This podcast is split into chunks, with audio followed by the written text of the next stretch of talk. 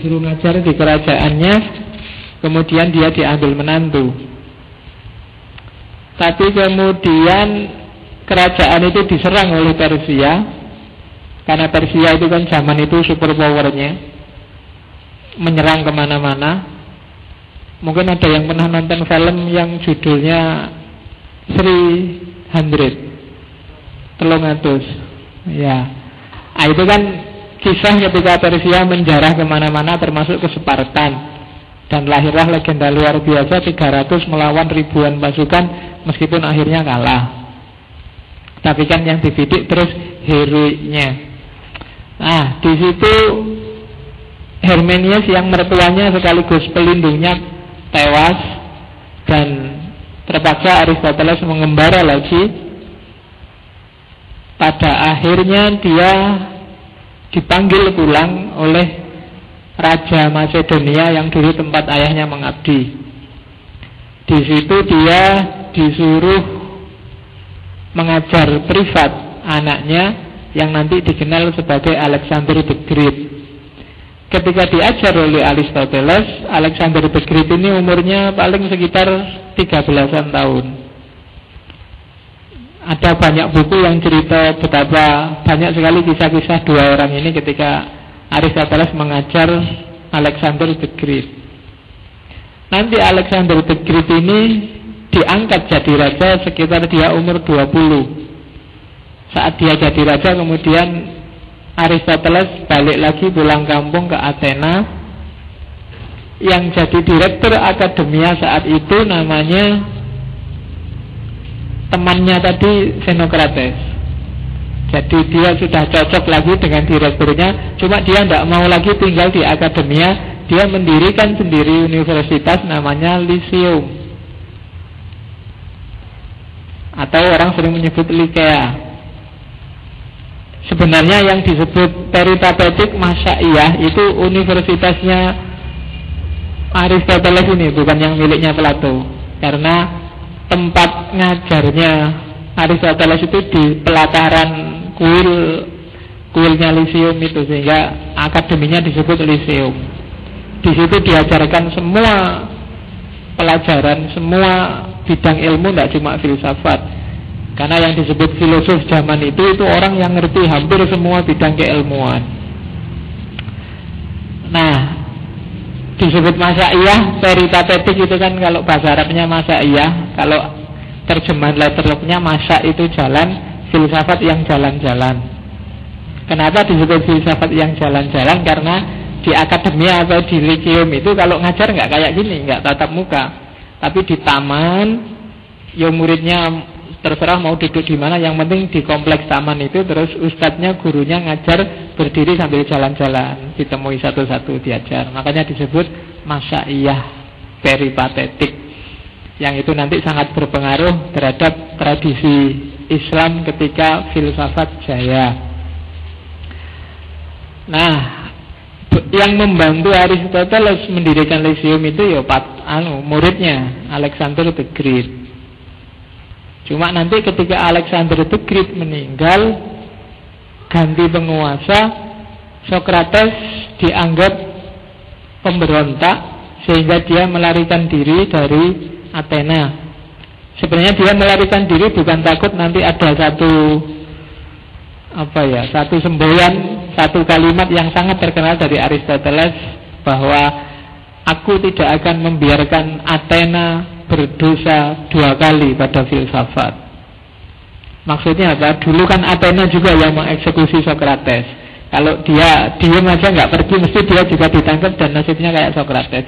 Bukan dia takut mati, tapi dia aku nggak akan membiarkan Athena punya dosa dua kali pada filsafat, maka dia pergi. Cuma tidak lama di tempat dia mengasingkan diri dia meninggal karena sakit di usia 63 tahun. Nanti yang melanjutkan ajaran-ajarannya ya muridnya ini Alexander the Great ini yang menyebarkan ajarannya Socrates melalui imperiumnya yang dikenal imperium Romawi dan ajaran filsafat yang disebarkan oleh Alexander the Great inilah nanti yang dikenal dengan nama Helenisme. Dan sebenarnya masuknya filsafat Yunani ke Islam itu lewat Helenisme ini. Dan dari Helenisme diwarisi ke Islam Aristoteliannya. Cuma yang bagian Plato dan Plotinus Neoplatonik itu nanti yang melanjutkan tradisi filsafat Barat sehingga Barat cenderung mistik, Islam yang mewarisi Aristoteles cenderung ilmiah saintifik. Karena Aristoteles adalah orang yang punya tradisi berpikir realis, nyata. Oke. Dan selanjutnya sejarah, tinggal kamu baca di buku-buku. Itu dongengannya tentang Aristoteles. Kan enak gini dingin-dingin sambil dongeng. Oke ya, nanti kamu tak suruh mikir juga agak berat jadi didongengin aja. Oke, sekarang kita masuk ke etikanya. Ya mungkin karena intervensinya Allah tadi saya disuruh ngomong Aristoteles karena tidak terlalu jelimet etikanya agak simpel.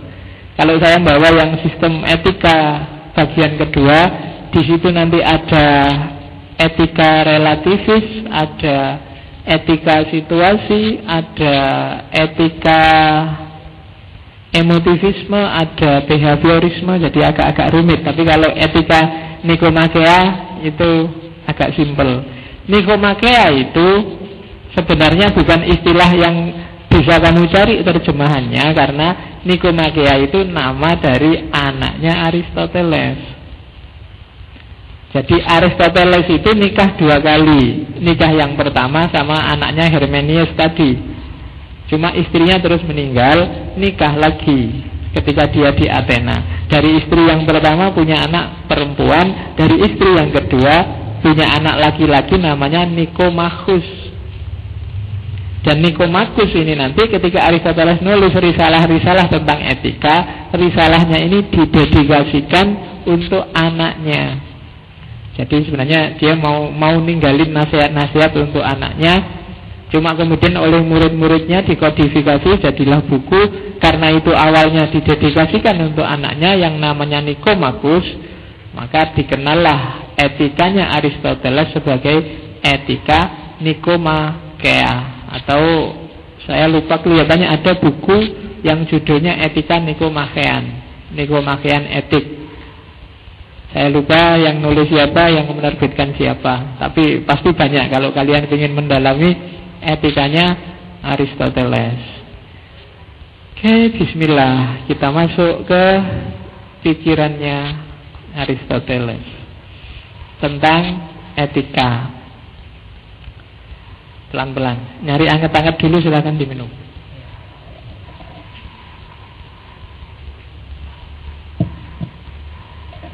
Oke, Aristoteles bukunya tentang etika risalah-risalahnya itu ada tiga yang pertama yang etika nikomakea yang kedua etika dunia dan yang ketiga makna moralia yang paling terakhir itu etika nikomakea maka bagi banyak orang yo puncaknya teori etika yang paling lengkap dari Aristoteles yo nikomakea itu Eudemia, makna moralia semuanya nanti termaktub ada secara ringkas di Nikomakea. Tidak terlalu tebel, wong itu memang awalnya risalah. Sama-sama risalah nanti beda sama risalahnya Imam Syafi'i kan juga nulis ar-risalah. Itu juga sebenarnya tidak dimaksud pertama-tama untuk nulis buku, memang itu awalnya ya surat.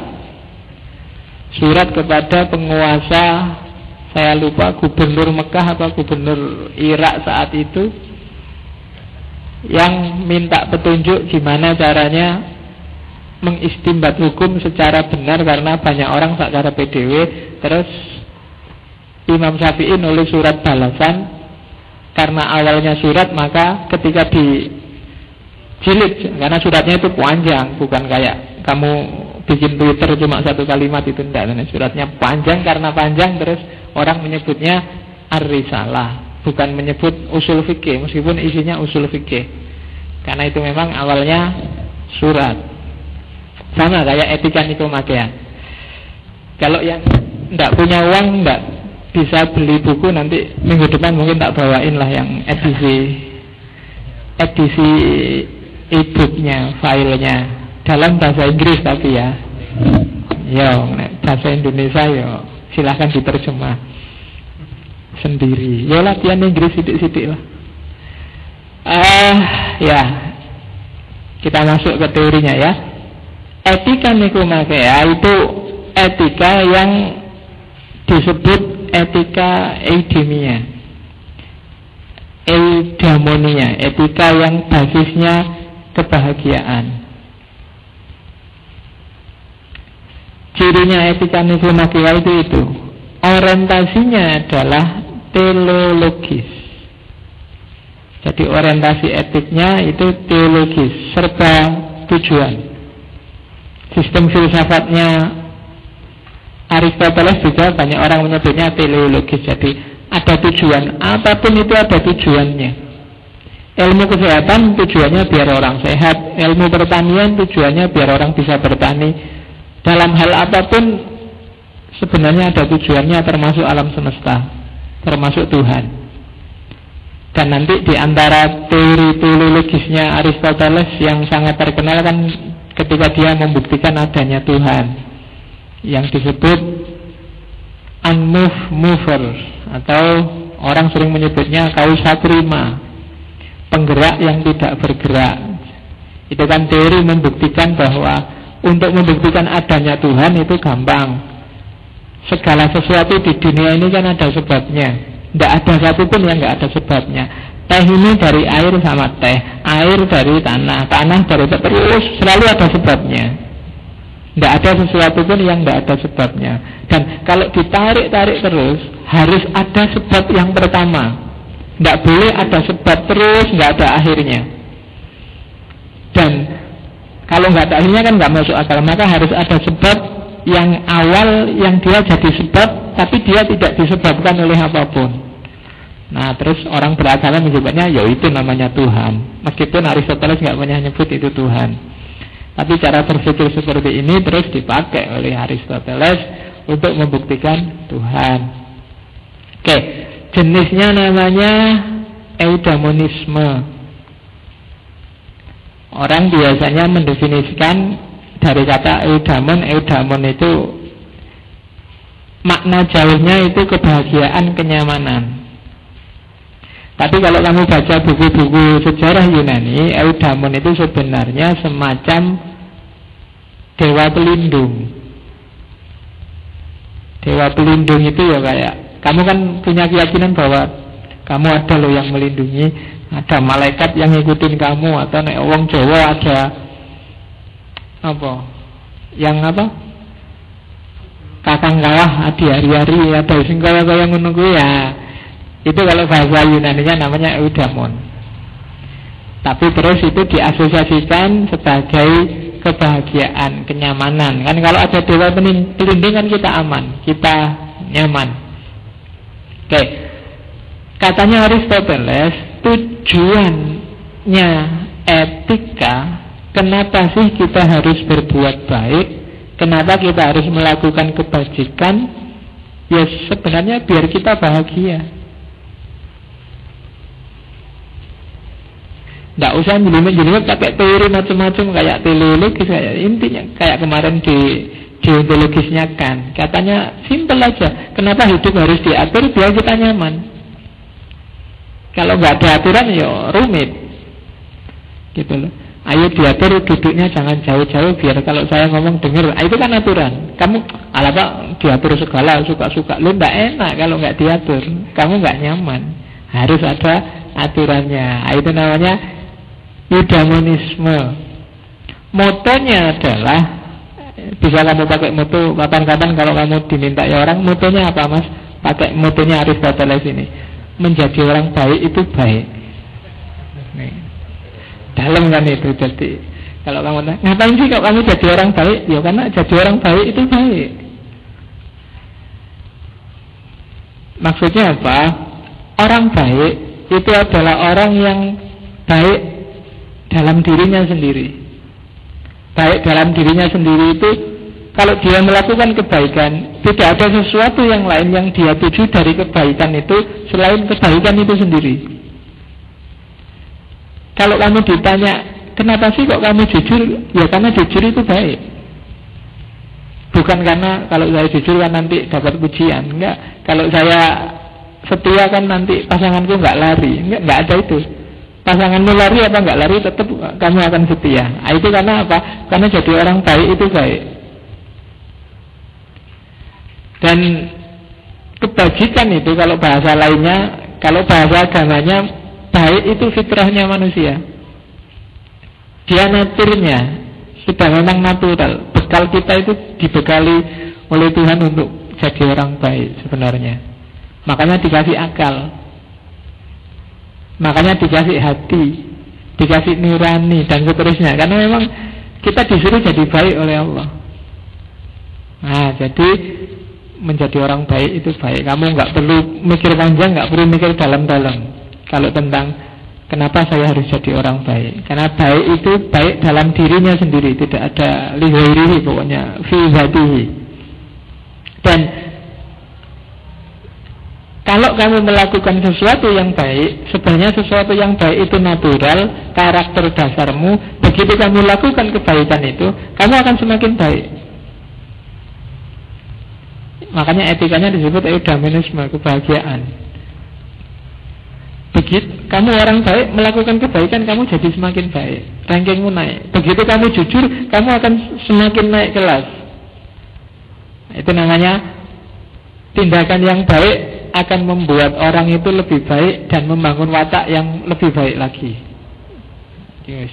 Filosof itu kan mikir kayak gini-gini Jadi kadung di anoi Kemarin di kelas saya ngomong pikiran-pikirannya Mullah Sadra itu kan tidak ada wujud yang tidak bisa dikasih atribut ada. Semuanya ada. Bahkan tidak ada itu sebenarnya ada. Susah kan susah kamu mikir tidak ada itu ada maksudnya ini misalnya di meja ini tidak ada kopi tidak adanya kopi di sini kan ada apa yang ada di sini? Tidak ada kopi. Jadi tidak adanya ternyata ada. Jadi tidak segala sesuatu itu ada, bahkan yang tidak ada pun itu ada. Kalau kamu sudah bisa ngarang-ngarang kayak gini, usah jadi filosof. Pokoknya ngomong sing ruwet nih nek dijelasin terus wah orang jadi melungu padahal ya karena cuma ngono kuwi. Jadi jadi orang baik itu baik jangan lupa Oke. Tujuannya kebahagiaan. Kenapa tujuannya kebahagiaan? Karena katanya Aristoteles, orang yang sudah bahagia itu biasanya nggak nyari lagi sudah selesai. Dan memang nggak masuk akal kalau orang sudah sampai pada titik bahagia dia masih cari lagi. Kamu sama pacarmu bahagia nggak? Bahagia. Tapi kalau bisa saya mau cari lagi, mesti nggak bahagia. Istiqo. Kalau sudah bahagia sebenarnya sudah selesai. Karena bahagia itu puncaknya sudah. Kalau senang beda nanti ada tentang kenapa bahagia itu bukan cuma senang, bukan cuma nikmat. Biasanya kalau memang itu bahagia selesai sudah.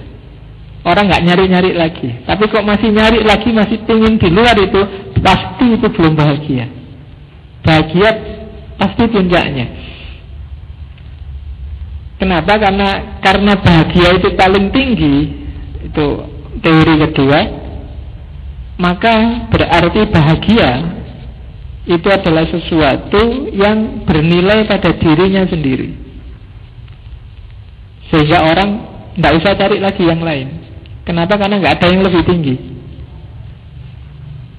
cara ngeceknya itu kan ada cara ngeceknya itu kan coba dicek katanya Aristoteles kamu pingin apa apa sih yang kamu inginkan? Kamu pingin istri cantik, kamu pingin minuman enak, makanan enak, kamu pingin punya rumah bagus, kamu semua kepinginanmu. Kalau pertanyaannya dikejar terus, ujungnya pasti bahagia. Yang kamu incer sebenarnya. Pingin istri cantik pak, lah kalau istri cantik kenapa? Kalau istri cantik saya kan nggak nolak-nolak ke sana kemari cukup dengan istriku. Kalau nggak nolak-nolak ke mana? Ya saya tentrem pak. Kalau sudah, mesti nanti ujungnya jadi bahagia. Kalau ingin punya rumah, Iya pak, saya ingin punya rumah bagus. Kalau punya rumah bagus, ya saya nggak mikir lagi, sudah enak kan, mau apa-apa tenang, sudah ada rumahnya. Ya, kalau sudah enak nyaman gimana? Yo hidupnya bisa dinikmati. Nanti ujungnya pasti bahagia. Apa yang kamu inginkan sekarang tinggal kamu sebut dan tanyakan terus, ujungnya pasti bahagia. Saya ingin lulus kumlot pak. Kalau sudah kumlot, gampang nyari kerjaan pak. Kalau gampang nyari kerjaan, berarti uang saya banyak pak. Karena sudah punya kerjaan. Kalau uangmu banyak, nah saya bisa beli yang saya butuhkan. Nah kalau sudah terpenuhi yang kamu butuhkan, oh, saya sudah tenang pak, sudah puas. Kalau puas kan saya bahagia. Ujungnya mesti bahagia. Maka tujuan hidup itu bahagia. Kebahagiaan. Makanya etikanya disebut eudaimonia. Maka katanya Aristoteles, semua upaya yang kamu lakukan untuk mencapai kebahagiaan dan pas sesuai bukan ngarang maka pasti perilakumu itu adalah perilaku yang bermoral kecuali kamu keliru kamu salah jalan tapi kalau itu memang benar menuju kebahagiaan pasti itu bermoral kalau lu kadang-kadang kan orang maling pak itu kan nggak bermoral untuk biar dapat uang, pasti keliru itu. Dia tidak ngejar kebahagiaan, dia jalan-jalan. Akhirnya bukan bahagia dengan maling. Maka nanti ada namanya kebajikan intelektual di Plato. Dipikir sih. Jangan-jangan yang kamu kamu ingin nyampe kebahagiaan tapi jalanmu keliru. Saya ingin punya rumah pak. Kalau punya rumah nanti kan bahagia. Cuma kalau beli saya nggak punya maka saya ngerampok aja pak. Nah, itu ketemunya nanti nggak bahagia akhirnya, salah jalan. Maka usaha untuk mencapai kebahagiaan harus pakai rasio, harus pakai intelek, nggak boleh ngarang. Oleh karena itu, maka hakikatnya setiap usaha untuk hidup bahagia itu adalah usaha yang bermoral, perilaku yang bijak. Itu Aristoteles. Jadi kalau kamu tanya Pak belajar bermoral nggak? Bermoral. Kalau kamu runtut itu nanti akhirnya adalah bahagia. Ngaji ini bermoral nggak? Ya tinggal kamu hitung aja. Kalau ngaji ini hasilnya apa, terus hasilnya maunya ke mana, setelah itu tercapai, terus ke mana dan seterusnya. Kalau ujungnya bahagia berarti itu bermoral. Tapi kalau ngajinya cuma, cuma dapat capek sama teh hangat, ya saya tidak tahu itu nanti ketemu nggak dengan ujung yang bahagia. Atau ya itu cuma jalannya aja nanti ketemunya ya tetap senang bahagia, jangan khawatir. Nah, itu tujuan hidup. Jadi mulai sekarang kalau kamu ada orang tanya, sebenarnya tujuan hidupmu apa sih? Kalau kamu sudah malas mikir dan malas neko-neko bilang aja ingin bahagia. Selesai sudah. Orang bantai ya susah. Mana ada orang nggak pingin bahagia? Semua orang pingin bahagia. Dan tidak ada sesuatu yang di atas kebahagiaan. Kalau bagi Aristoteles, puncaknya tetap bahagia. Para sufi pun kan ada Tuhan. Iya, bersatu dengan Tuhan itu kan bahagia. Maka para sufi nggak mau keluar-keluar kalau sudah nyampe sana. Ujungnya pasti tetap bahagia. Oke. Terus ini teori selanjutnya dari mana sih kita tahu sesuatu itu bijak? Yang bijak itu pasti nanti menghasilkan kebahagiaan. Nah itu jalannya panjang kalau sudah Tadi kan kamu bingung lah Pak nanti jalurnya ke mana bisa menuju bahagia Saya kadang-kadang ya bingung Nah katanya Aristoteles Setiap level kedewasaan Level umur Level manusia beda-beda cara mendeteksi mana yang bijak, mana bajik bukan. Saya tidak tahu bijak sama bajik itu beda nggak? Kalau bajing mesti beda. Tapi kalau kebijakan, kebajikan itu kalau di Indonesia arahnya sama. Kalau di Inggris kan sebenarnya satu kata. Kalau bajik itu virtus, itu bajik. Kalau bijak itu wisdom. Bajik itu perilakunya, wisdom itu karakternya. Maka kamu sebut kadang-kadang virtus kebajikan itu diterjemahkan keutamaan di banyak buku. Tapi arahnya sama sebenarnya virtus, perbuatan baik. Dari mana sih kita tahu sebuah perbuatan itu baik apa enggak? Yang pertama ada level orang yang tahu kebajikan atau enggak itu imitasi cuma niru waktu kamu anak-anak itu kan isinya cuma niru niru orang tuamu, niru gurumu, niru pembimbingmu, niru dosenmu, itu masih imitasi. Golongan orang yang belum dewasa. Jadi yang baik buat dirinya bukan karyanya, cuma dia harus disuruh-suruh, dia harus diperintah-perintah, dia harus diprovokasi dulu baru melakukan kebaikan. Jadi level niru. Saya tidak tahu kamu sudah level mana, tapi kalau masih niru, masih nunggu diperintah dulu baru jadi orang baik, masih nunggu diprovokasi dulu, masih nunggu diceramai dulu, berarti kamu masih level pertama. Jadi level pertama itu yo masih belum ada nilainya. Orang niru itu kan orang yang tidak bebas seperti di deontologis dan yang tidak bebas itu tidak bisa dibilang baik atau dibilang buruk, wong cuma niru. Kayak ujian kamu nyontek-nyontek itu kan niru kan dia tidak bernilai yang bernilai yang kamu contekin Karena yang punya nilai kan yang kamu contekin Kamu nolong orang karena niru Kamu setia karena masih niru. Silahkan kamu bahas Kalau nirunya Quran gimana? Kalau nirunya Saya ini niru Quran pak. Sebenarnya sama levelnya Masih imitasi. Ya kan? Itu berarti kamu butuh pemicu yang lain Untuk jadi orang baik Quran itu kan tujuannya bukan untuk ditiru, dia cuma ngingetin kamu, dia cuma furkon tibian hudan dibuhke. Tidak untuk ditiru. Kalau kamu apa-apa butuh Quran, kamu nanti pening sendiri. Harus ada level kedua, internalisasi nilai. Biar kamu nggak capek. Jadi internalisasi itu level kedua ketika orang melakukan sesuatu bukan karena ada yang merintah, ada yang mendorong. Tapi karena memang dia tahu dan dia sadar dan dia paham sesuatu itu memang baik. Kamu nolong orang karena kamu yakin, oh iya ya memang baik nolong itu. Kamu bantu temanmu memang baik. Kamu ngutangi teman kosmu karena kamu tahu bahwa itu baik, bukan karena terpaksa, bukan karena niru. Nah, biar dianggap teman yang baik, tak utangilah. Nah, kalau cuma gitu berarti kamu masih imitasi. Imitasi itu kan tidak asli.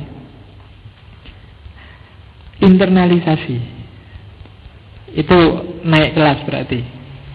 Kamu jadi baik bukan karena siapa pun Bukan karena nonton film kemudian tertuju Bukan karena dinasihati orang Bukan pokoknya Memang kamu sadar bahwa kamu harus jadi orang baik. Itu namanya sudah internalisasi. Kalau sudah internalisasi Biasanya secara otomatis akan lahir aksi.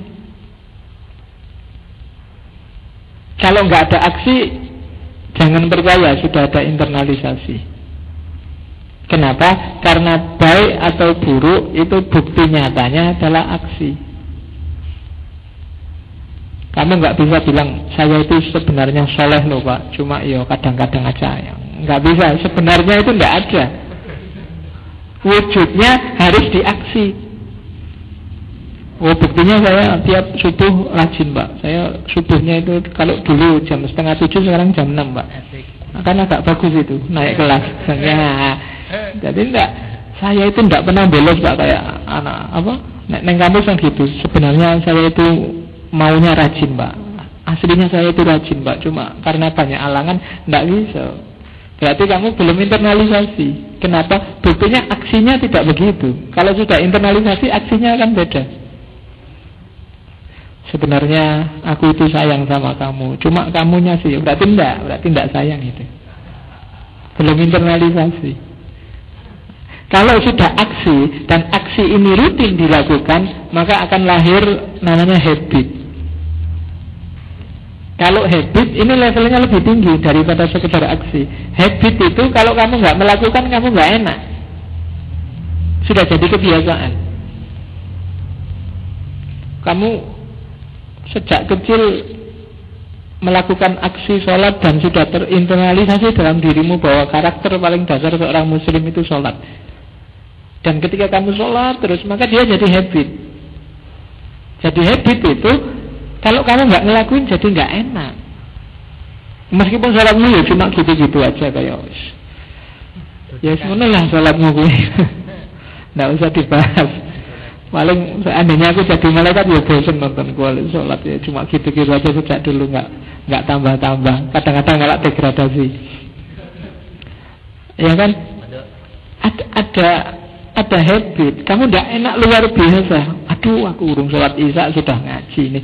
Masjidnya dipakai lagi nih itu ya sholat. Eh, yang bingung ya. Padahal sholat yuk cepet-cepetan kan. Allah Akbar, Bismillah, Allah Akbar. Apalagi kalau sholatnya sendirian. Nah, jadi habit. Kebalikannya, kalau kemudian setelah kamu habitnya adalah habit sholat, ada internalisasi baru bahwa ah ternyata sholat itu tidak penting, tidak urgent, ditinggal sekali-sekali juga tidak apa-apa. Sholat cuma nomor dua, dilakukan jarang-jarang dan seterusnya kan. Terus jadi kamu kalau sholat, karena sholat itu kan memang nggak boleh terus-terusan, harus sesuai waktunya. Kalau kamu terus-terusan sholat malah salah. ya kan sholat itu ya subuh terus jangan sholat sampai zuhur sholat lagi jadi jangan mau kalau kamu disuruh orang sholat terus terusan itu. Ya sholat itu ya kadang-kadang. Sesuai waktunya. Jadi jangan terus. Nah jangan-jangan terus ketika kamu habitnya sudah nggak enak kalau sholat begitu nggak rajin sholat kamu merasa biasa sudah. Tadi sholat nggak enak tapi sekarang habitnya ganti sudah. Jadi ya wis kayak gitulah. Dulu mungkin kamu dari pondok begitu kuliah masuk Jogja lihat temenmu buka internet gambar yang gitu-gitu. Astagfirullah gambar kayak gitu kok dilihat. Aduh pokoknya kamu tiap hari istighfar kan? Kenapa? Ada habit of mind. Ada internalisasi yang berlawanan dengan realitasnya sehingga kamu istighfar tiap hari. Tapi lama-lama habitmu jadi berubah karena kamu membiasakan diri dengan pertama ngelele, yang kedua kayak gimana tuh kayak gitu aja kok. Besok lagi ada yang baru nggak? Lama-lama ya. Ah, lama-lama jadi. Hmm, jadi akhirnya kan ya kalau dulu bukanya kajian hati sekarang kajian hadis. Jadi Ya kan, jadi akhirnya ya wis habitnya ganti sekarang, tidak berubah. Makanya nanti mungkin dua minggu lagi kita bahas akhlak dalam Islam. Definisinya akhlak kalau Ghazali kan akhlak moral itu sesuatu yang internal dan jadi habit. Kalau pura-pura bukan akhlak. Kamu sopan pura-pura, kamu baik pura-pura bukan. Akhlak itu harus ada internalisasinya. Ada dimensi internalisasi dan dimensi habitnya apa pun itu. Jadi maka orang yang dewasa internalisasinya dan habitnya adalah habit kebaikan. Karena dia sadar karakter dirinya adalah karakter baik. Nah, kebajikan itu nanti kalau di Aristoteles dibagi dua. Ada kebaikan, ada kebajikan atau keutamaan intelektual ada keutamaan moral. Keutamaan intelektual ada dua jenisnya, yaitu Sofia dan Pronesis. Sofia yang wisdom itu dan Pronesis. Kalau yang Sofia itu rasio teoritis, kalau Pronesis itu rasio praktis. Kalau Sofia urusannya teori, urusannya langit, urusannya mikir, urusannya refleksi, urusannya kontemplasi. Kalau Pronesis itu urusannya keputusan untuk tindakan nyata. Itu Pronesis. Jadi hidup itu akalmu itu punya dua fungsi, tidak cuma untuk mikir ke langit, tapi juga untuk apa yang dilakukan di bumi juga harus pakai akal. Dua tugasnya akal. Jadi kemarin kenal filosofia yang sofia itu wisdom, kebijaksanaan itu sebenarnya untuk yang teoria kalau dalam bahasanya Socrates. Untuk yang refleksi, untuk teori, untuk kontemplasi itu namanya rasio teoritis sofia. Tapi ada juga rasio praktis pronesis Pronesis itu kadang didefinisikan kemampuan orang untuk mengambil sikap dan keputusan dalam memecahkan berbagai masalah dalam hidup sehari-hari. Yang kedua, kemampuan orang bertindak sesuai dengan pengertian yang tepat. Yang ketiga, pronesis itu sesuatu yang tidak berkaitan dengan teori.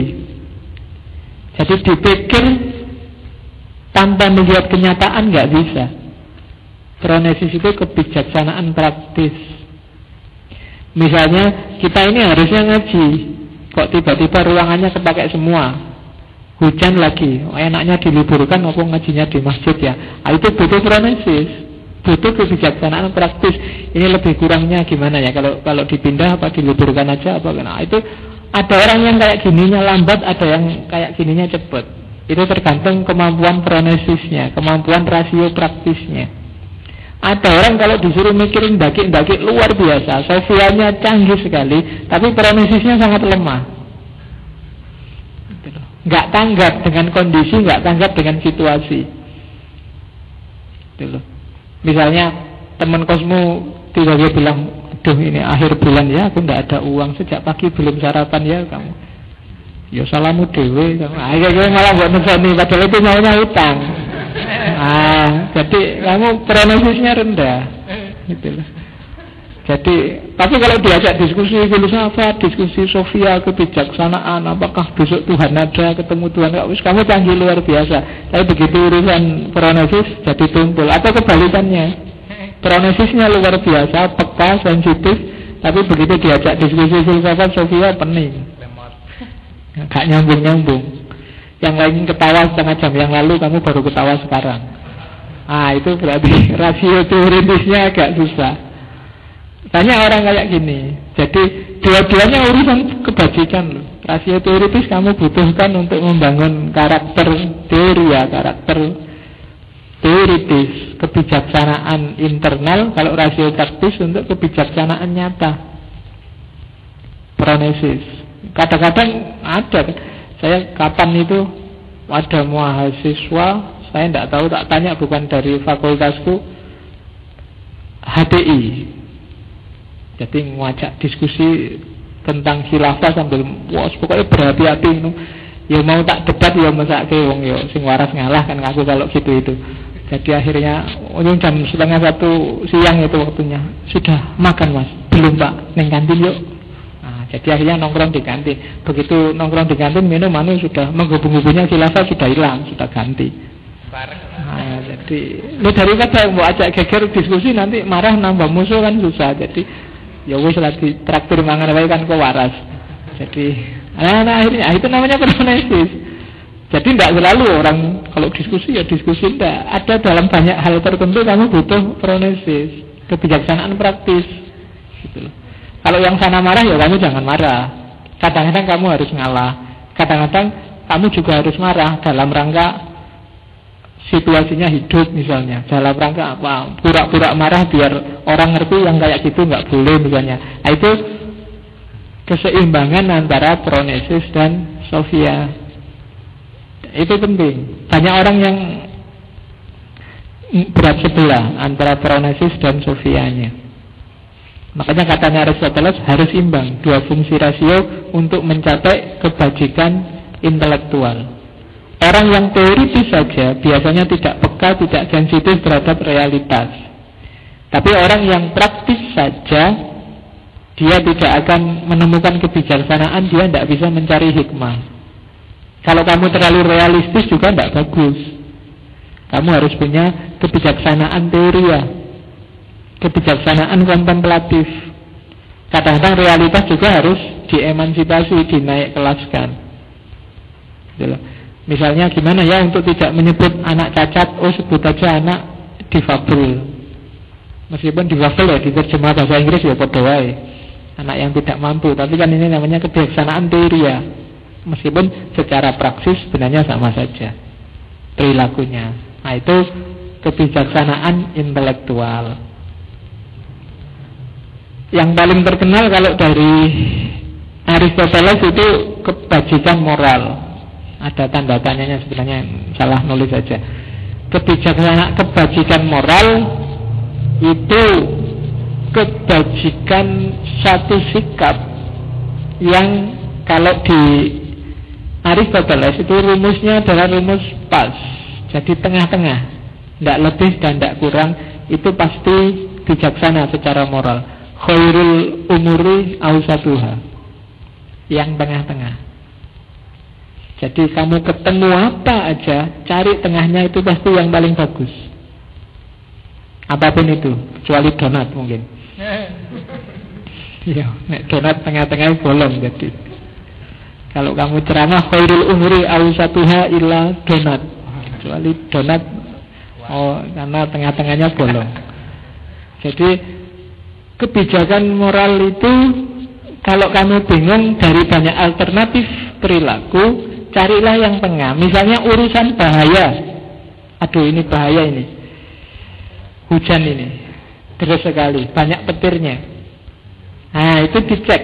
Menghadapi bahaya itu antara nekat tanpa perhitungan atau pengecut. Pengecut itu apa ya? Pengecut itu pokoknya orang yang senang yang kecut-kecut. Tidak berani, tidak. Sebenarnya gitulah. Hatinya selalu kecut. Kecut itu kan konotasinya mengkeret. Jadi ada apa-apa mengkeret. Pengecut tengah-tengahnya berarti. Bukan nekat, juga bukan penakut. Berani.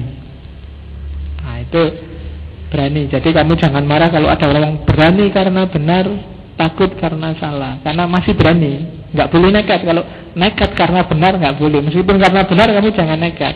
Karena begitu kamu nekat itu sudah tidak bijaksana secara moral. Karena itu ekstrim. Jadi antara ekstrim kanan dan ekstrim kiri pilihlah yang tengah-tengah. Terlalu cakep itu jelek, terlalu jelek apa lagi? Ya kan, nek wong Jawa kan gitu, kegantengan itu nggak enak kamu uh, kebagusan gue ini. Ah, nggak enak. Apalagi terlalu jelek, welek pol nggak enak. Biasa-biasa aja lah. Yang penting kan makanya paradigmanya pas. Jadi pas lah. Jadi kalau kamu ditanya cakep apa jelek, pas. ya pokoknya pas lah, maksudnya pas-pasan. Jadi jadi tidak nekat, enggak. itu tengah. Kalau urusan ekspresi diri ya tidak sombong, tapi juga tidak minder. Pede, percaya diri. Percaya diri itu lahir karena kamu bisa mengukur kekuatanmu. Saya bisanya gini, jadi kalau melakukan itu saya percaya saya bisa. Jadi orang bisa percaya diri karena dia punya pemahaman tentang dirinya. Kalau orang sombong, dia memahami dirinya terlalu besar. Kalau orang minder, dia memahami dirinya terlalu kecil. Jadinya minder. Padahal mungkin bisa. Kalau orang sombong, tidak bisa bilang bisa. Kalau orang minder, bisa bilang tidak bisa. Kalau orang percaya diri, dia pas ngitungnya. Oh, saya bisanya cuma sampai ini, kalau urusan ini nggak bisa sudah filsafat bagian ini aku ngerti kalau bagian itu tidak bisa sudah. Nah, itu maka kamu biasanya jadi percaya diri. Mas, tolong ngomong tentang ini ya. Oh, iya. Oke, sip. Karena kamu paham tentang itu dan kamu ngerti kalau kamu paham. Tapi kan ada orang yang dia paham tapi minder. Minder itu kalau bahasanya Ghazali mungkin orang yang tahu tapi tidak tahu kalau dirinya tahu. Kalau orang sombong, orang yang tidak tahu dan tidak tahu kalau dia tidak tahu. Itu kan kalau bahasanya Ghazali kan gitu. Tidak pinter tapi merasa pinter itu kan tidak tahu tapi nggak ngerti kalau dia itu tidak tahu.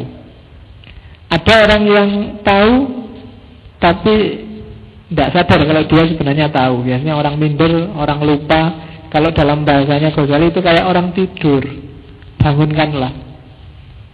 Jadi ingatkanlah kamu bisa kok. Kan gitu. Yang enak itu orang yang tahu bahwa dia tahu dan dia tahu kalau dia ngerti. Atau tidak tahu dan tahu kalau dia nggak tahu itu aman. Orang yang ngerti kalau dia nggak tahu kan aman karena dia mesti tidak sombong karena dia mesti ingin belajar lagi. Dan orang yang tahu kalau dia tahu juga enak, nyaman, dia pasti percaya diri. Nah, itu untuk ekspresi diri. Banyak orang yang harusnya percaya diri tapi malah minder, harusnya percaya diri tapi malah sombong. Orang minder itu biasanya melihat dirinya itu pakai kacamata gelap, kacamata hitam. Jadi dari 90% kebaikannya dia hanya melihat 10% dirinya yang jelek. Itu biasanya orang itu jadi minder. Kamu ganteng, putih, apalagi tinggi, besar, cuma berat badannya agak lebih sedikit. Empat ini bagus-bagus. Gara-gara berat badanmu lebih sedikit ini kamu terus jadi minder luar biasa. Yang empat ini nggak kamu hitung. Itu yang sering terjadi bikin kamu nggak pede. Kalau sombong itu kebalikannya. Kamu itu sudah hitam, jelek, keriting, apalagi. Dan kamu merasa wajahmu kayak artis. Nah itu terus jadi sombong. Oke, itu ekspresi diri. Kalau hubungan sosial juga begitu. Ada orang yang tipenya berlebihan, penjilat, tapi ada juga yang tipenya pencela, tengah-tengahnya itu ya ramah, enak, akrab. Kalau pencela itu apa-apa dianggap salah, kalau penjilat itu yang penting kamu senang, yang penting kamu suka. Nah, kalau ramah itu imbang, kalau jelek dibilang jelek, kalau bagus dibilang bagus. Jadi dari tiga karakter kebajikan moral ini ya yang tengah yang lebih bagus. Kalau ekonomi jelas. Ekonomi itu jangan boros, jangan pelit, tapi hemat. Syaratnya kamu punya uang. Loh iya kan? Kamu tak nasihati, jangan boros ya, jangan pelit ya. Kalau nggak ada uangnya ya buat apa? Nasihatnya tidak berguna. Jadi jadi kalau orang ngasih nasihat kamu, kamu jangan boros. Iyalah, kalau ada uangnya ya nggak boros dan nggak pelit juga kalau ada uangnya. Jangan dihemat misalnya. Bapakmu kan sering gitu, jangan terlalu hemat deh. Anu. Ya kalau dikirimannya banyak ya nggak apa-apa, wong kirimannya pas-pasan kok nasihati jangan terlalu hemat. Nah itu ekonomi.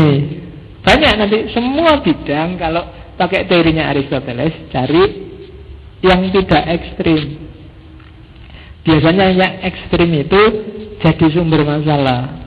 Apa pun itu. Mau Islam kiri apa Islam kanan? Mau jadi liberal atau fundamentalis? Mau jadi selalu ah, kayak kayak gini kalau pakai teorinya Aristoteles pasti aman berdiri di tengah-tengah. Saya tidak tahu tinggal kamu rumuskan sendirilah kayak gitu-gitu tengah-tengahnya kayak gimana.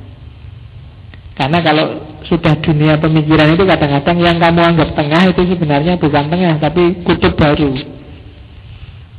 Ya kan? Kayak dulu zaman Pak Karno itu kan ada blok kiri, ada blok kanan, terus bikin namanya non blok. Dan non blok itu kan akhirnya jadi blok yang baru, cuma namanya aja non blok. Seolah-olah di tengah tapi sebenarnya dia bikin kutub baru yang nanti ada lawan kutubnya lagi mesti. Ya. Jadi silahkan dianalisis. Yang penting mana yang itu moderat Tidak berat kiri, berat kanan Tidak ekstrim kiri, ekstrim kanan Pasti itulah kebijakan atau kebajikan Menurut Aristoteles.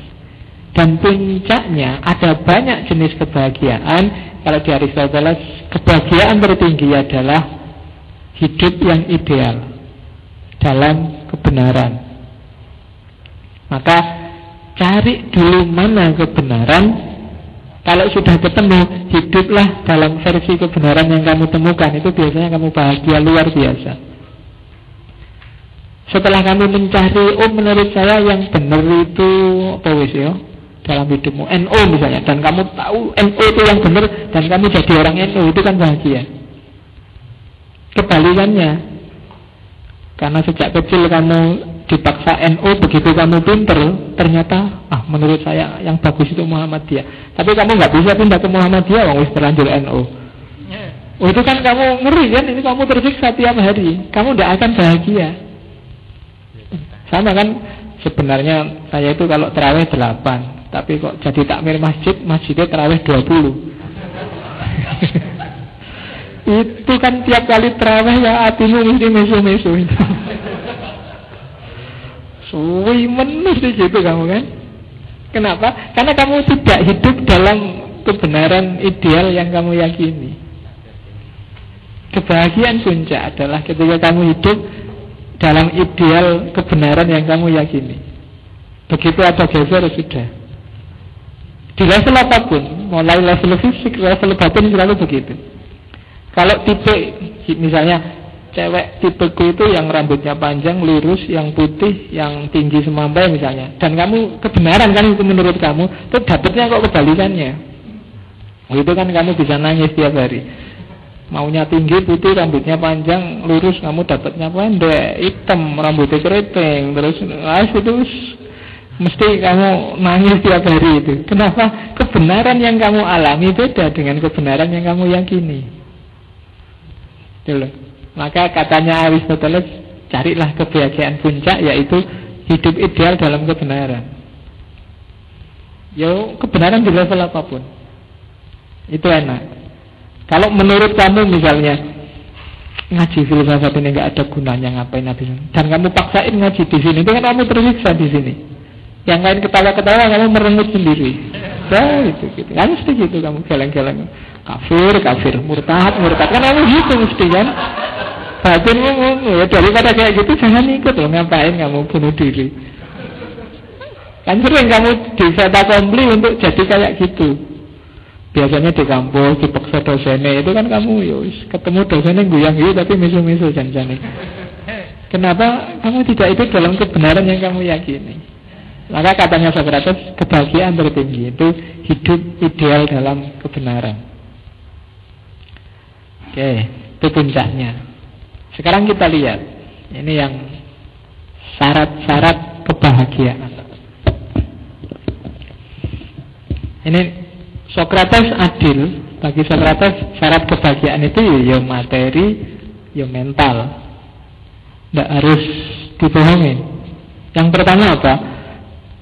Kalau kamu mencari kebahagiaan Kamu harus punya bekal material spiritual yang cukup. Bekal materi jelas ya Ya bahasa letternya harta lah. Kamu punya modal, punya uang. Uang itu kan Ya tidak penting sih uang itu. Kalau saya seperti tak bilang dulu kan Uang itu tidak nomor satu Tapi di semua nomor butuh uang. Kan gitu. Saya pak nomor satu kuliah Nomor dua pacar Nomor tiga jadi uang itu nomor sekian. Uang itu tidak nomor satu ya Tapi di semua level kamu butuh uang Nomor satu kuliah, emangnya kamu bisa kuliah tidak pakai uang? Itu uang. Nomor dua pacar, tetap kamu butuh uang. Saya tidak pak. Nomor satu agama Allah. Kamu nggak punya uang juga tidak bisa. Nggak bisa beli sarung, nggak bisa naik haji, nggak bisa zakat, nggak bisa cari buka puasa, nggak bisa sedekah, nggak bisa. Setiap nomor kamu butuh uang. Diakui atau tidak diakui. Cuma jangan di nomor satukan. Taruh aja di semua nomor. Jadi jangan ditaruh di nomor satu memang Taruh di semua nomor Karena semua nomor butuh uang. Maka katanya Aristoteles Punya modal Punya bekal Untuk meraih cita-citamu. Itu Kalau di bukunya Nikomagian Memang diterjemah letternya harta. Ya maksudnya modal lah. Yang diperlukan untuk mengejar idealismemu idealisme saja ya nggak punya modal sama aja. Entah gimana caranya maka ya kamu harus bekerja kamu harus mentang-mentang filosof enggak kok terus kamu mikir tiap hari. Nongkrong di depan kayak gambar itu gini terus ngapain kok gitu mas? Filosof. Ya, jadi, jadi besok kalau pagi-pagi habis bangun tidur nongkrong depan kos-kosan itu sambil merenung gitu temennya lewat ngapain? Filosof. Padahal lagi ngantuk. Ya jadi itu harta kamu jangan menyepelekan karena itu dibutuhkan. Mau nggak mau entah kamu butuh makan butuh baju butuh apa. Sepinter apa pun kamu kalau nggak pakai baju juga nggak enak. Meskipun kamu pikiran sundul langit tentang filsafat tapi kalau nggak makan juga susah. Jadi ya Harta adalah bekal. Syarat untuk bahagia yang pertama harus punya modal. Yang kedua persahabatan, yang ketiga keadilan. Kita lihat. Sebelum ke sana, nanti apa itu kesenangan materi, apa itu persahabatan, apa itu keadilan. Aristoteles membedakan kebahagiaan dengan kesenangan. Kesenangan itu bisalah kamu definisikan dengan kenikmatan.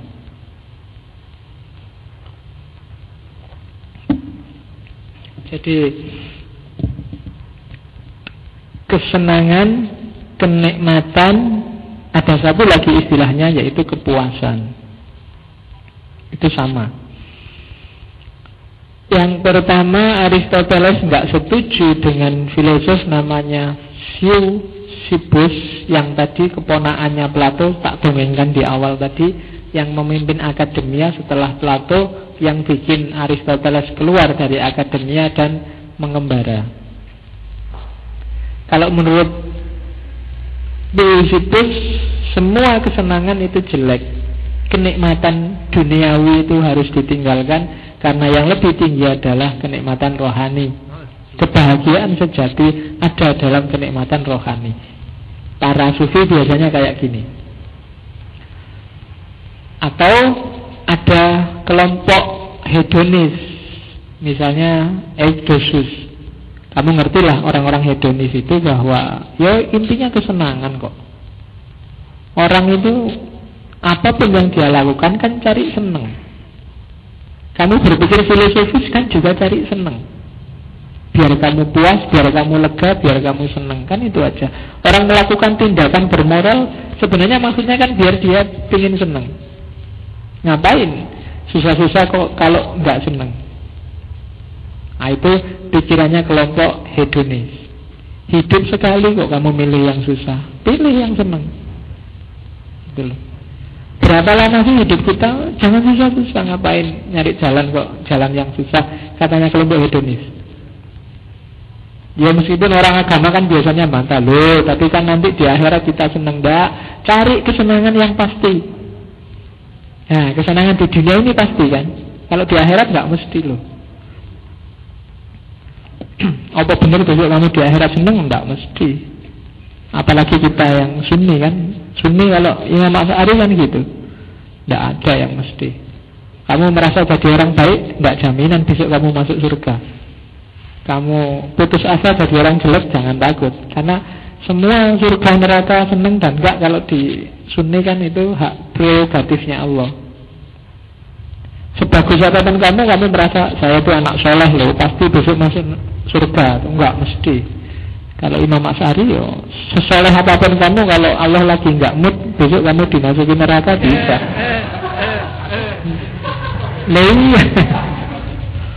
Lah iya tapi kan lagi jengkel jadi karena sebelum kamu mungkin yang dihisap itu orangnya menjengkelkan semua begitu ah sudahlah kamu neraka sekalian. Oh, iya.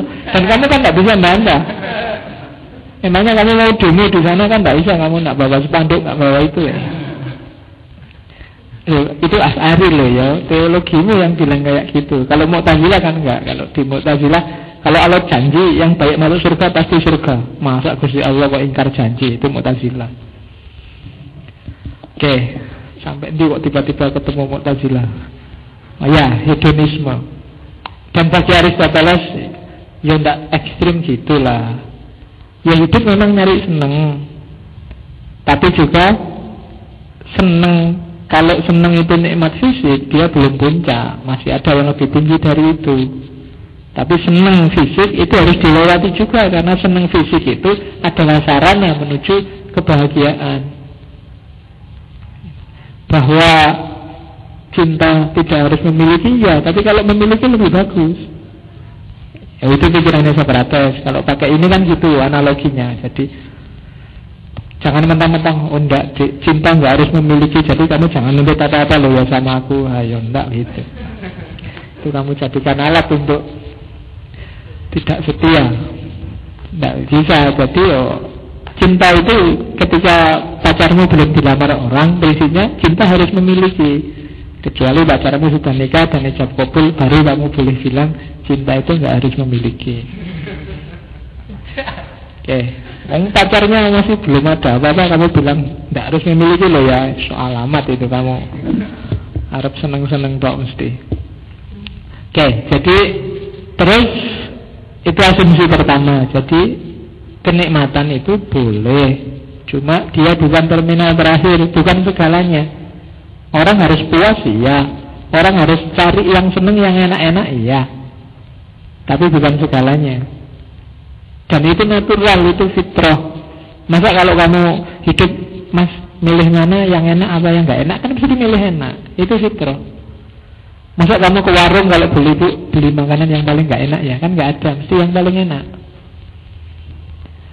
Yang kedua, awas jangan keliru, kenikmatan itu bukan lawannya nggak enak, bukan lawan sakit, bukan lawan nggak enak. Kalau dicari lawan katanya kesenangan, kepuasan itu bukan lawannya ketidakenaan atau kesakitan. Banyak hal-hal yang menyakitkan tapi rasanya jadi enak.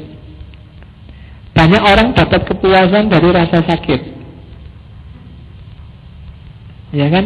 Misalnya kamu bangun sholat tahajud itu tidak enak, sakit. Karena yo harusnya ngantuk-ngantuk kamu belain. Wudhu yang dingin kamu belain. Wiritan yang ngantuk-ngantuk. Itu kan nggak enak, tapi ada kenikmatan yang kamu rasakan, ada kesenangan, ada kepuasan. Jadi nikmat, seneng itu bukan lawannya sakit, bukan lawannya nggak enak. Banyak hal yang tidak enak secara logika, tapi ternyata itu enak. Pacarmu bilang jemput aku tiap jam 7 pagi ke kampus, itu tidak enak mesti. Tapi kan kamu merasa, ah tidak apa-apa kalau buat kamu apa sih yang enggak, gitu. Enggak cuma kamu jemput akhirnya kamu bawain makanan, kamu bawain sarapan. Dan sarapan belum sarapan dulu yuk. Itu kan nggak enak kamu sudah pagi-pagi dibela-belain bangun, jemput, beliin sarapan lagi. Nah, itu kan nggak enak, tapi kan nikmat. Ada kenikmatan, ada kepuasan. Kalau nggak terlewat tanyaan takmir itu ketika dia bikin teh, bikin teh enak dah. Dia mesti yo kalau bisa enggak tapi yo tapi nikmat. Ya. Ben seneng sih, tapi nikmat. Meskipun kadang-kadang sambil merebut oh, apa tiap malam harus kayak gini susah tuh. apa tapi kan ada kepuasan tersendiri, ada kenikmatan tersendiri. Jadi nikmat itu tidak selalu lawan dari tidak enak dan lawan dari tidak sakit. Banyak hal yang menyakitkan tapi buahnya adalah kenikmatan dan kepuasan. Jadi tidak selalu antagonis. Bahkan kadang-kadang Orang yang selalu menghindari rasa sakit Ketemunya malah tidak enak. Banyak. Yo, carilah contoh kasus orang yang Ah, belajar itu gak enak. Gak usah belajar.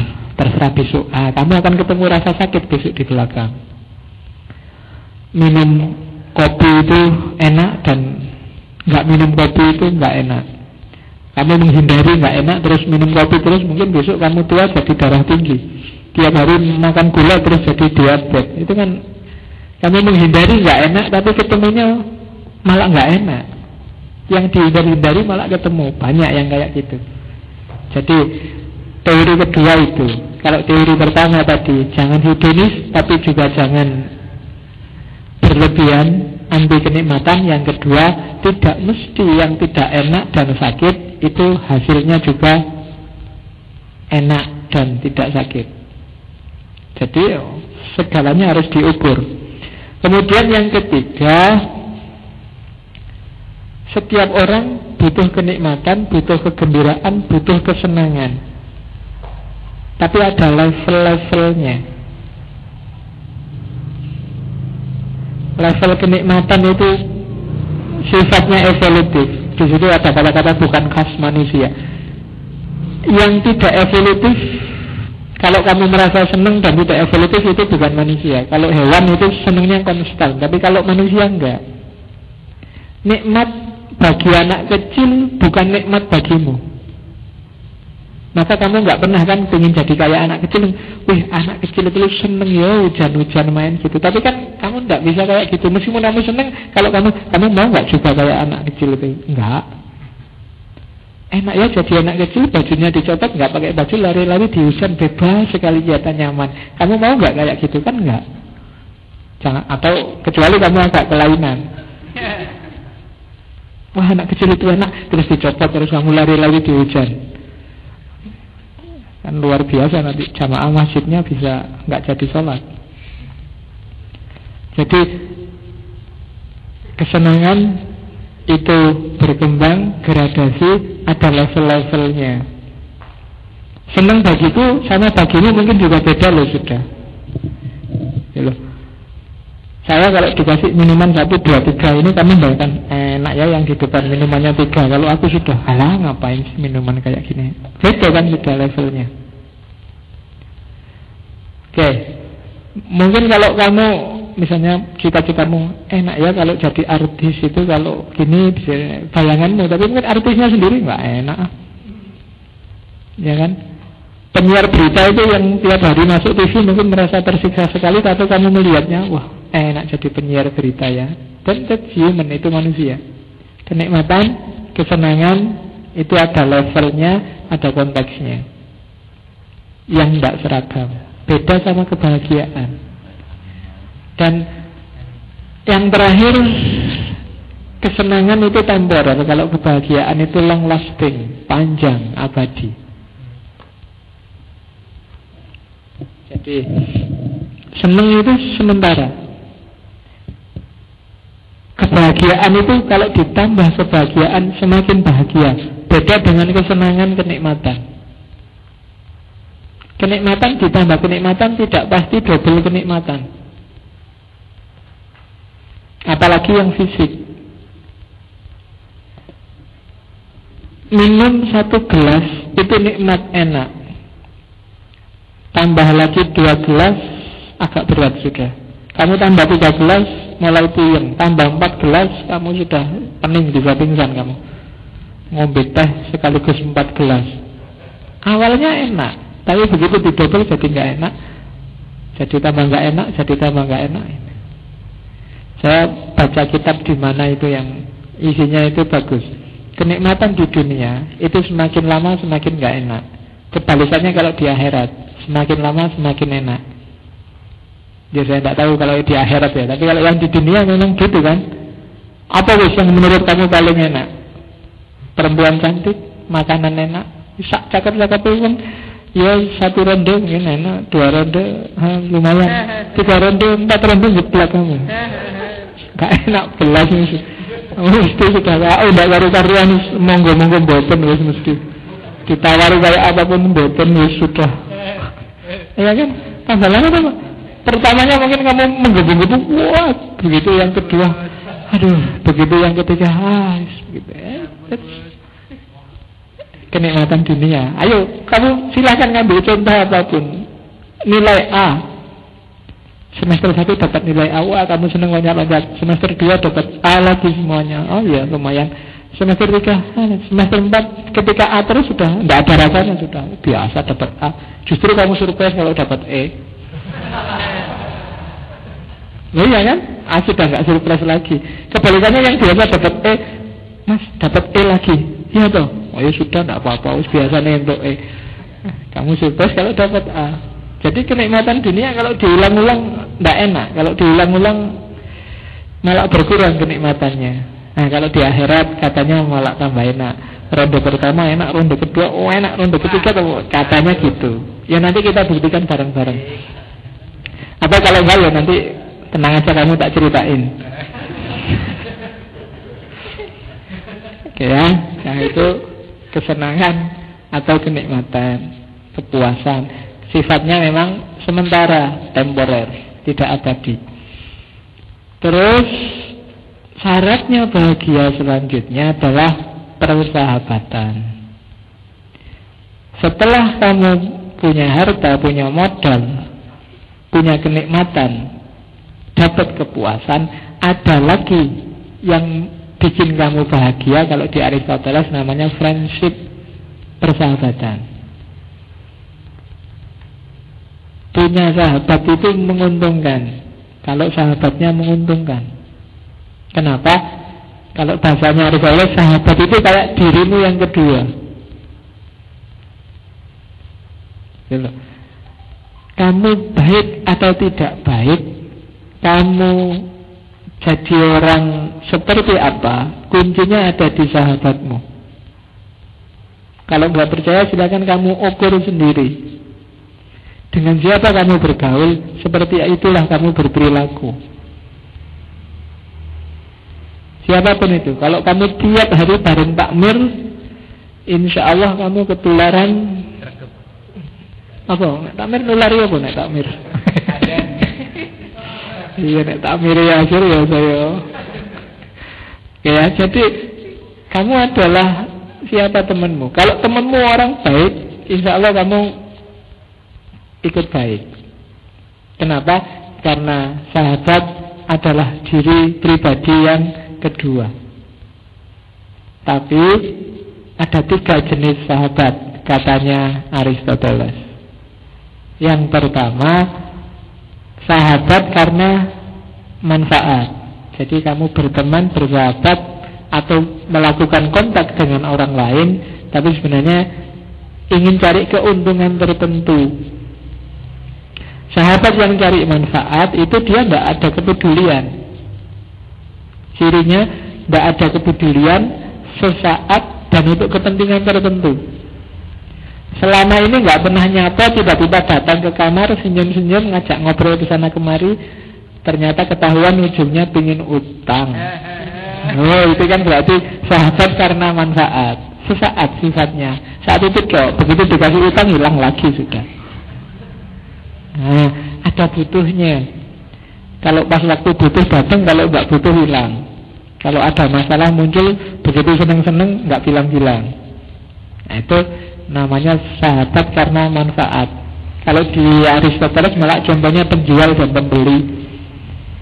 Ya langganmu atau kalau ada sales ngomongnya bagi-bagi ingin biar kamu beli produknya kan kamu dijadiin kayak friendnya dia kayak temennya suka bagus tenang aja yang kamu ahli MLM lah biasanya kan ketika temenmu promosi MLM itu kan kamu jadi CS-nya black tenang aja pokoknya. Pokoknya yang penting kamu ikut MLM begitu kamu ikut selesai sudah. Nah itu namanya sahabat karena manfaat. Ya macam-macam. Kadang-kadang urusan religius juga begitu. Lala kamu deket-deket aku karena ada butuhnya toh. Yang sering kamu kayak gitu. Oke, yang kedua sahabat untuk hobi, untuk kesenangan. Ini juga levelnya agak di atas yang cari manfaat tapi belum sejati juga. Misalnya aku masih dekat sama kamu karena kalau bersamamu itu aku seneng. Kita hobinya sama, kita tipenya sama. Sama-sama seneng ngaji sama jadi kita ngumpul tiap hari di sini. Itu sebenarnya level kedua Mas ya. Sahabat karena kesenangan. Main gaple yuk bareng-bareng. Oh itu kan hobinya sama dan kita nyaman bareng-bareng. Itu sahabat kan yang bisa kayak gitu. Cuma itu sahabat karena punya kesenangan yang sama. Membawa bahagia juga, tapi bahagia yang sementara. Termasuk yang nomor satu Masih belum sejati Masih ada sesuatu yang di luar itu Yang dituju Jadi persahabatan untuk kesenangan. Yang ketiga Ini yang sejati Sahabat karena kebaikan. Kamu dekat dengan sahabatmu karena kamu bisa menikmati wataknya sahabatmu. Itu kalau terjemahan letternya dari Aristoteles. Menikmati watak itu Kamu terima, terima dia apa adanya. Tuh. Kamu peduli wadahnya Kamu peduli dengan apakah dia baik atau buruk Dan seterusnya Jadi sahabat yang baik itu Yang sejati itu justru sahabat yang Tidak selalu muji kamu Dan tidak selalu mencelamu tapi dia peduli pada perkembanganmu. Kalau kamu pas jelek, dia bilang jelek. Kalau kamu pas bagus, ya dia bilang bagus. Dan dia terima dirimu apa adanya. Nggak nuntut macam-macam. Kamu masih friend sama aku asal kamu nggak ngerokok. Kalau rokok enggak, ah, itu berarti belum. Belum sahabat karena kebaikan. Kalau sahabat karena kebaikan itu kamu friend loh sahabatku loh, bu kamu jangan ngerokok biar kamu tetap sehat. Kan enak. Kalau kamu sehat kita bisa sahabatan terus. Nah itu sahabat yang sejati. Jadi nggak boleh merokoknya bukan syarat untuk jadi sahabat. Tapi kalau nggak boleh ngerokoknya jadi syarat ya bukan. Aku sahabatmu asal adikmu boleh jadi pacarku ya. Nah itu syarat itu. Gak iso Modus. Kamu bersyarat itu namanya modus itu, bukan bukan sahabat beneran. Jadi ada yang diincer. Ada tiba-tiba datang neng mejaku, wah Pak Faiz, saya ingin konsultasi, saya bangga sekali dengan Bapak. Ngerti aku karepe, mesti nanti ujung-ujungnya ya mohon maaf Pak selama ini saya sering bolos Pak di kelas jadi oh ya ono karepe mesti. Maunya kan bolosnya dinetralkan gitu kan. Ya wis. Ndak asal bawa-bawa lah kalau cuma pengen bolosnya tak netralin. Nah, jadi kayaknya ngefriend tapi ujung-ujungnya gitu Aku bangga sekali padamu Kamu itu memang orangnya canggih Bisa punya ide baru gagasan luar biasa. Mesti kamu sering dapat uang Dapat uang. Kira-kira sekarang ada gak kira-kira 100-100 ribu gitu. Nah itu berarti mau Kayaknya mendekat-dekat tapi ujungnya itu ya Arputan Nah itu bukan yang sejati. Ya memang di antara ciri sahabat yang sejati itu Kalau diutangi dan pas punya ya ngutangi dan ciri sahabat yang sejati juga Kalau diutangi dan dia sudah punya uang ya dibayar. Antara lain itu. Cuma Bukan karena boleh hutang dan bisa bayar. Orang disebut sahabat sejati Tapi penerimaan apa adanya Dan kepedulian terhadap perkembangan sahabatnya. Kalau kamu punya sahabat yang kayak gini Itu kamu punya sepertiga bekal untuk jadi orang bahagia Seberapa banyak pun uangmu, setinggi apa pun karirmu, sebagus apa pun kondisimu, kalau kamu nggak punya orang sekeliling yang sejati, setia seperti sahabat, perjuanganmu akan berat. Itu mungkin yang bikin dulu Nabi menyebut murid-muridnya, jamaahnya tidak sebagai jamaah tapi sahabat. Karena sahabat itu ya setengah untuk kamu menuju kesuksesan. Jadi bukan jamaah. Jadi kalau ada yang ceramah pakai jamaah itu masih levelnya masih belum. kamu ganti ya besok kalau kamu jadi kiai jangan jamaah tapi pakai sahabat. Oke. Okay. ini, ya harus diganti diganti ya kok. Tekan.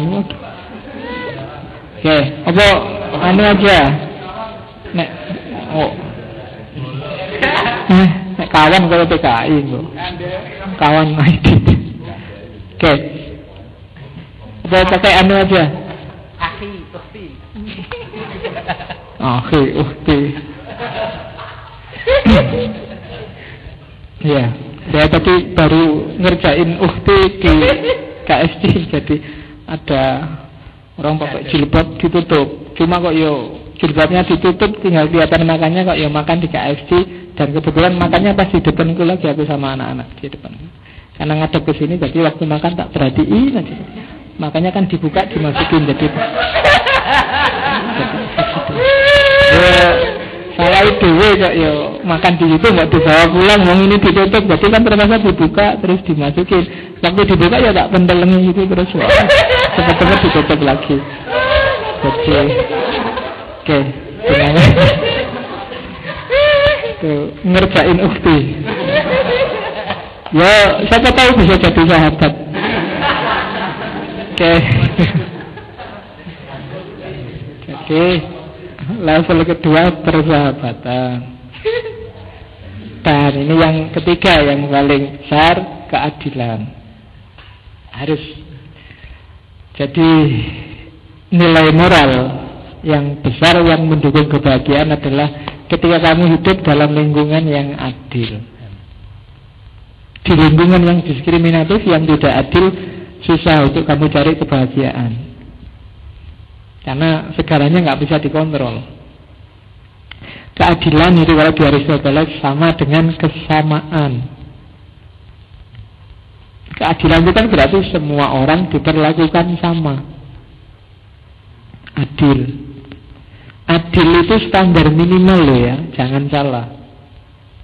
Tidak boleh orang tidak adil, karena adil itu minimal. Lebih dari adil nggak apa-apa. Lebih dari adil itu misalnya orang harusnya kamu kasih seribu tapi kamu kasih dua ribu karena dia agak berat. Adil itu kalau temenmu utang seribu dia bayar seribu. Adil. Tapi kalau temenmu utang seribu dan kamu kasihan kamu bebaskan. Itu kan lebih dari adil. Kalau dalam agama namanya ihsan. Makanya kalau khutbah Jumat itu kan selalu disebut innallaha ya'muru bil adli wal ihsan jadi yo minimal adil tapi syukur-syukur kamu bisa ihsan ditambahi Eleh. Kalau biasanya cuma dikasih teh, ya sopo ngerti ihsan tambahi snack sidik lah apa gitu. Nah itu itu contohnya cuma contoh kok. Oke ya. Itu ihsan. Kamu ke sini misalnya nggak bawa apa-apa, misalnya nggak apa-apa itu adil. Yang takmirnya juga nggak minta, tapi akan ihsan kalau tiba-tiba wah di rumah ada kacang banyak bawa sinilah yang sana. Oh di rumah ada aku bawa sini buat makan bareng-bareng. Ya tidak apa-apa sekali-sekali. Itu namanya ihsan. Meskipun kamu nggak bawa juga tidak apa-apa karena itu sudah adil. Kan gitu mikirnya. Oke keadilan ada dua kalau di Aristoteles yang disebut kesamaan ada kesamaan numerik ada kesamaan proporsional kesamaan numerik itu ya setiap orang sama.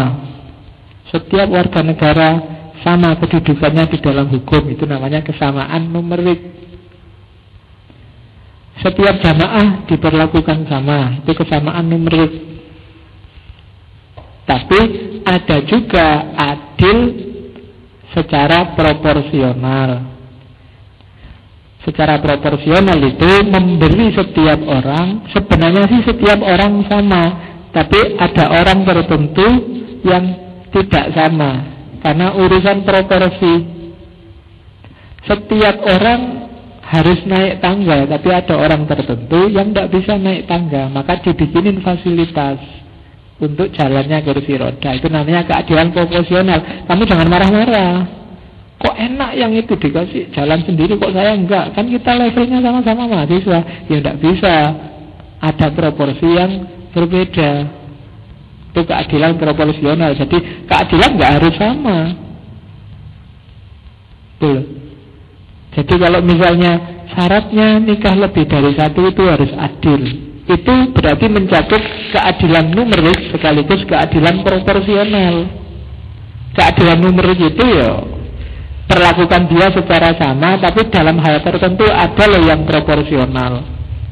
Dua-duanya dibeliin baju Cuma karena yang satu tingginya cuma 151 Yang satu tingginya 200 Ya yang satu dibeliin 2 meter setengah Yang satu 2 meter Itu adil sudah Kenapa? Sesuai proporsinya Toh dua-duanya dibeliin kain Secara numerik sudah sah Dan secara proporsional sudah sah Oke, itu jenisnya Terus ada juga dari Aristoteles namanya keadilan distributif dan keadilan korektif. Orang sering menyebut keadilan korektif itu sama dengan keadilan komutatif. Keadilan distributif itu keadilan yang sama rata untuk semua orang. Harus rata. Didistribusikan secara rata. Nggak boleh ada yang nggak kebagian. Kalau semua dapat teh, ya harus dapat teh semua. Itu namanya distributif. Tidak boleh ada yang ketinggalan, tidak boleh ada yang ketinggalan. Tapi ada jenis keadilan yang kedua, yang ini harus memang harus dibedakan, namanya keadilan korektif atau keadilan komutatif. Keadilan komutatif itu ketika ada sesuatu atau seseorang yang merusak atau mengacaukan ritme distribusi. Hmm, sebentar. Jadi ada orang yang apa ya, misalnya penjahat, maling itu kan mengacaukan ritme distribusi, bukan haknya tapi diambil.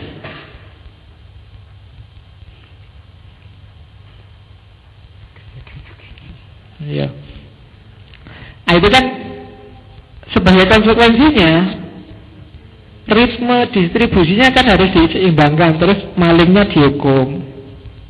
Kenapa kok dia dihukum? Yang lain kok tidak dihukum? Karena dia mengacaukan ritme distribusi sehingga kesetaraannya terganggu. Dia harus dihukum karena dia merugikan orang lain. Itu juga jenis keadilan. Maka LHI yang diputus 16 tahun ya jangan marah-marah wong dia memang salah. Bahwa terlalu lama atau terlalu pendek itu urusan lain tapi dia memang harus dihukum. Kenapa? Mengacaukan ritme distribusi. Memunculkan ketidakadilan yang bukan haknya jadi haknya. Kayak kamu ini teh untuk 20 orang sudah disiapkan 20 orang tapi yang satu ngambil 5. Sehingga yang empat nanti yang datang belakangan nggak kebagian. Itu kan harus ada mekanisme yang menyeimbangkan lagi. Halo yang kamu tadi minum 5 gelas bayar pada yang nggak dapat untuk biar dia bisa beli teh dan seterusnya. Itu kan hukuman namanya. Itu namanya keadilan korektif.